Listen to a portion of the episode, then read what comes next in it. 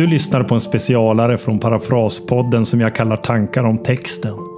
Lukas 15 och Jesus liknelse om den förlorade sonen äter sig bara djupare in i mitt liv och jag älskar den. För sällan målas gudsbilden med varmare färger än här. Och jag behöver det. Ibland skriver jag inför helgen texter i tidningen Dagen, där kyrkårets texter inför en söndag är i fokus. Till min glädje var det Lukas 15 när jag skulle skriva en text vid ett tillfälle. Här är den inläst och då idén med Parafraspodden är att hitta vägar för att Bibelns texter och tilltal ska få leva i din vardag, så hoppas jag att den ska vara till din uppmuntran.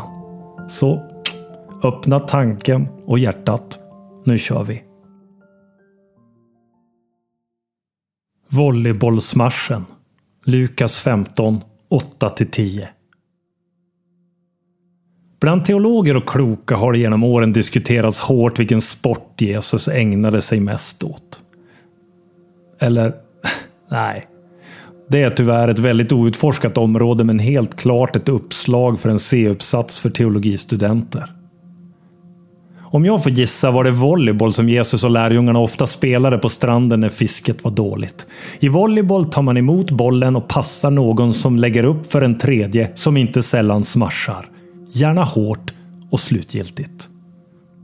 En väl använd pedagogik på Jesus tid var upprepningar. Att säga samma sak flera gånger men på olika vis. Det stryks tre streck under sanningen. Det radas upp tre utropstecken. Vi ges tre försök att förstå vad Gud vill ha sagt när han vecklar ut sitt hjärta och sin karaktär. I Lukas 15 finns det tre liknelser. Om ett förlorat får, ett förlorat mynt och en förlorad son. En servmottagning och ett fingerslag som lägger upp det för en hejdundrande volleybollsmash. En smash som får Isabelle Haak att se ytterst amatörmässig ut. Jesus talar om de omedvetet bortsprungna. De borttappade som förlorat sig i mörkret. De medvetet avståndstagande som självupptaget irrar sin egen väg. Guds letande efter oss och vår omvändelse samverkar på märkliga, oskiljaktiga sätt och glädjen den svämmar över när fyndet är gjort, när den vilsne vänt om. Jesus målade bild av en envist letande och partysugen glad Gud är värd sin egen C-uppsats. Jesus berättar de tre liknelserna efter att, i vanlig ordning, ha blivit kritiserad för att han umgås och äter med tullindrivare och syndare. Fariseerna ser rött och drar fram det röda kortet. Det är inte bara syndarna och tulltjänstemännen som ska utvisas. Jesus själv bör omedelbart lämna planen och bli avstängd säsongen ut. Minst. När jag läser Lukas 15 slås jag av att Gud aldrig kan se en folkskara utan att se individer. Glädjen över en som omvänder sig. Över ett mynt som hittats och århundradets grillfest firas av för att en enda förlorad förslösande son har vänt om hem igen. Guds fokus är var och en.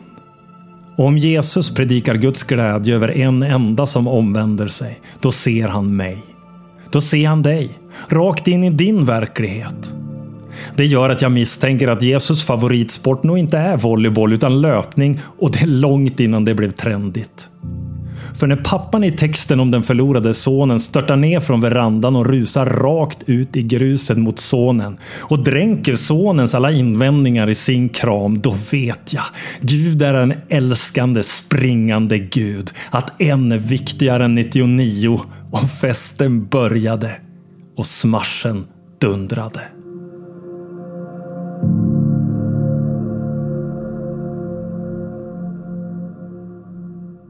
Liknelsen om det förlorade myntet.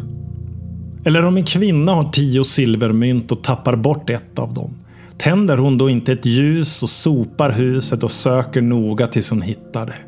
Och när hon har hittat det samlar hon sina väninnor och grannkvinnor och säger Gläder med mig, jag fann myntet som jag förlorade.